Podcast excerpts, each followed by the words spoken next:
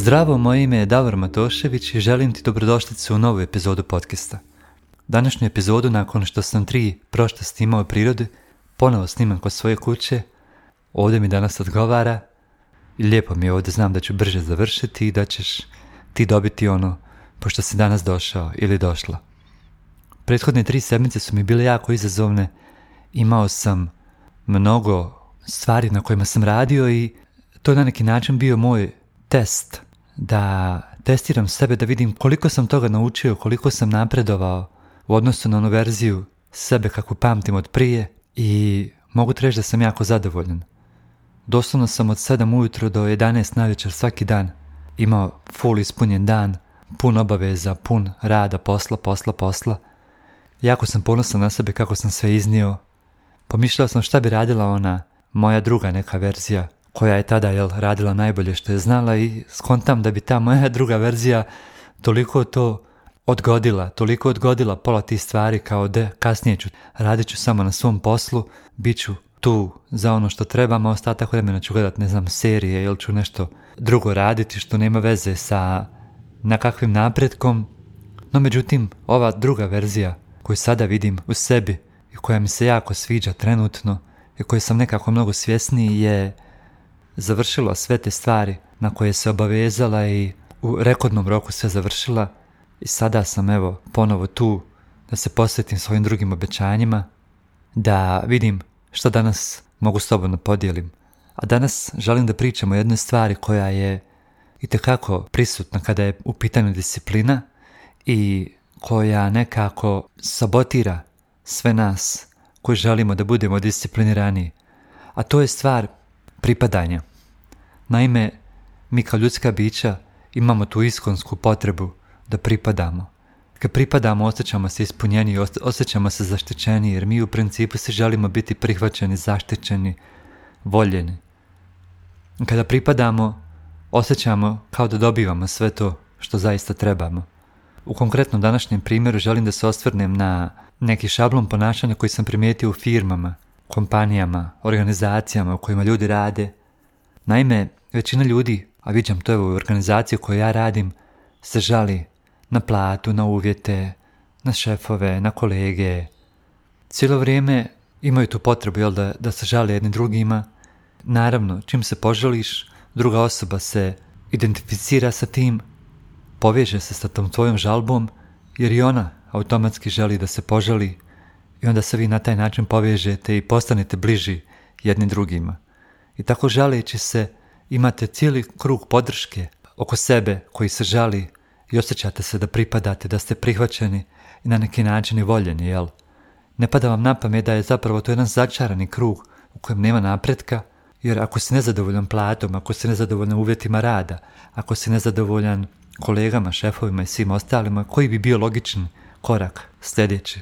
Meni logika nalaže da bi sljedeći logičan korak bio da ti počneš raditi sve što znaš, sve što je u moći da odeš sa tog posla i pokreneš nešto drugo, ili pokreneš svoj posao, ili naučiš nešto što će ti omogućiti da pokreneš svoj posao, ili nađeš posao na nekom drugom radnom mjestu.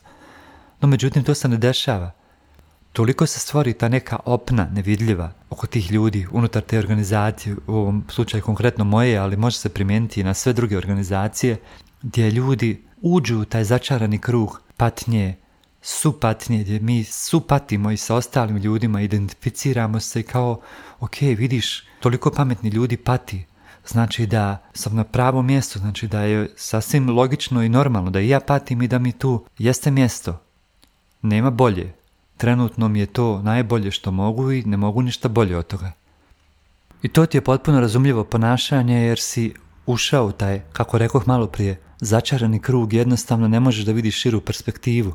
I pogotovo ako su u životu okružen ljudima koji isto tako pate unutar bilo kakvih životnih situacija i imaju druge ljude koji pate, s kojima se jel nadopunjuju i nekako nadopunjavaju tu patnju, onda je logično također i da ne možeš da vidiš širu sliku, to jest da je moguće izaći iz toga i da ćeš disciplinom uspjeti da prevaziđeš to mjesto na kojem se nalaziš da ti nije dobro, ali eto imaš ljude kojima pripadaš, pa ti to na neki način nadomješćuje taj osjećaj patnje.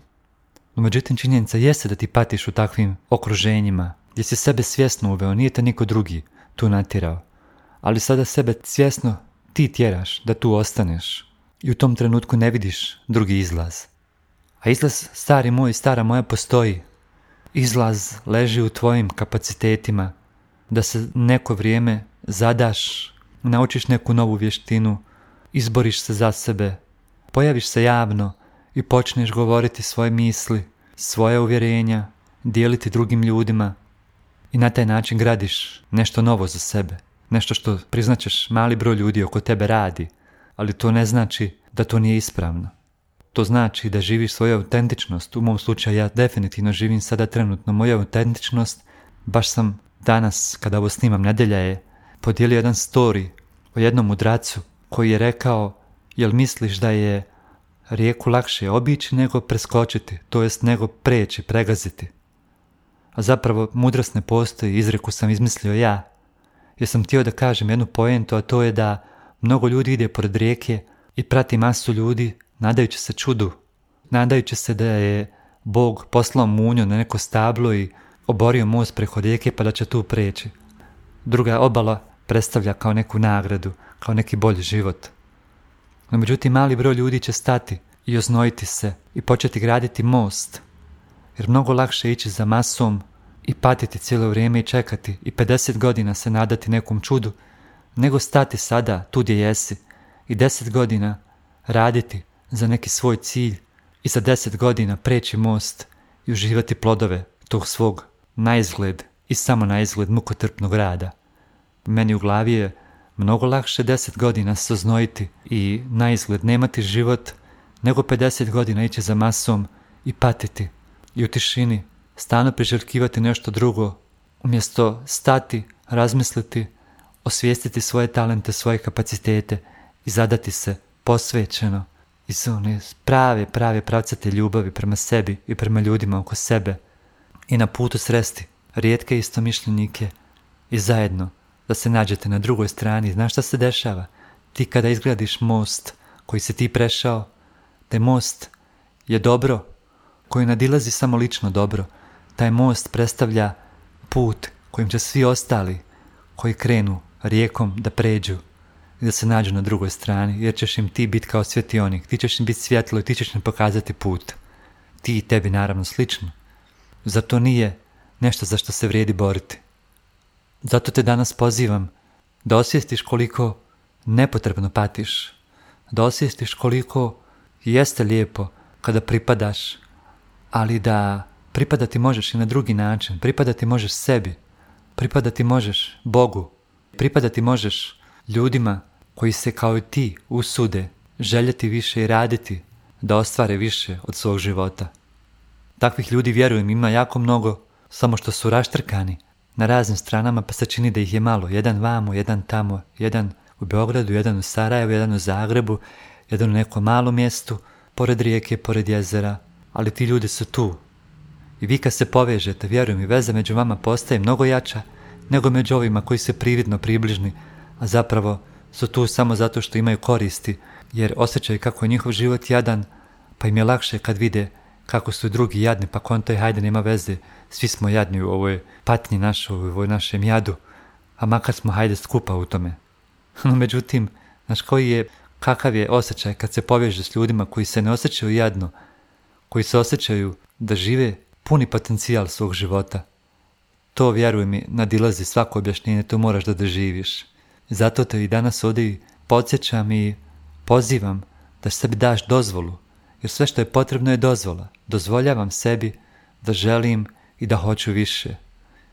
Dozvoljavam sebi da ovo mjesto na kojem se sad nalazim nije dobro za mene.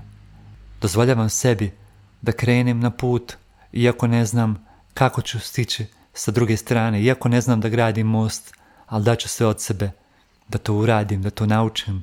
Znam da ću sresti putem i druge ljude koji će mi s tim pomoći i vidjet ćeš kako se sve kad kreneš počne nekako slagati u tvoju korist. Eto, to je sve što sam htio da podijelim s tobom. Iduće sedmice me isto čeka jedna izazovna jako sedmica, puna, puna posla i raznih lijepih izazova koje se mnogo, mnogo radujem. Danas je već otišao i novi newsletter za sve pretplatnike na newsletter. Ako ti se još nisi preplatio i ako bi želio da od mene pročitaš nešto duže u pisanoj formi od onoga što dijelim na Instagramu, Svakako te pozivam da se prijaviš na newsletter. Drago mi da smo se družili. Čuvaj mi se, budi dobro, pazi na sebe, osvješćuj svaki moment svog života jer, jer postoji samo ono čega si svjestan. Sve drugo čega si nesvjestan, tamo si mrtav, tamo ne živiš. Živiš samo u svojoj svjesnosti. Živiš samo tamo gdje znaš šta se dešava sa tobom u životu. Čuvaj mi se i čujemo se idućih ponedjeljka. Ćao, čao.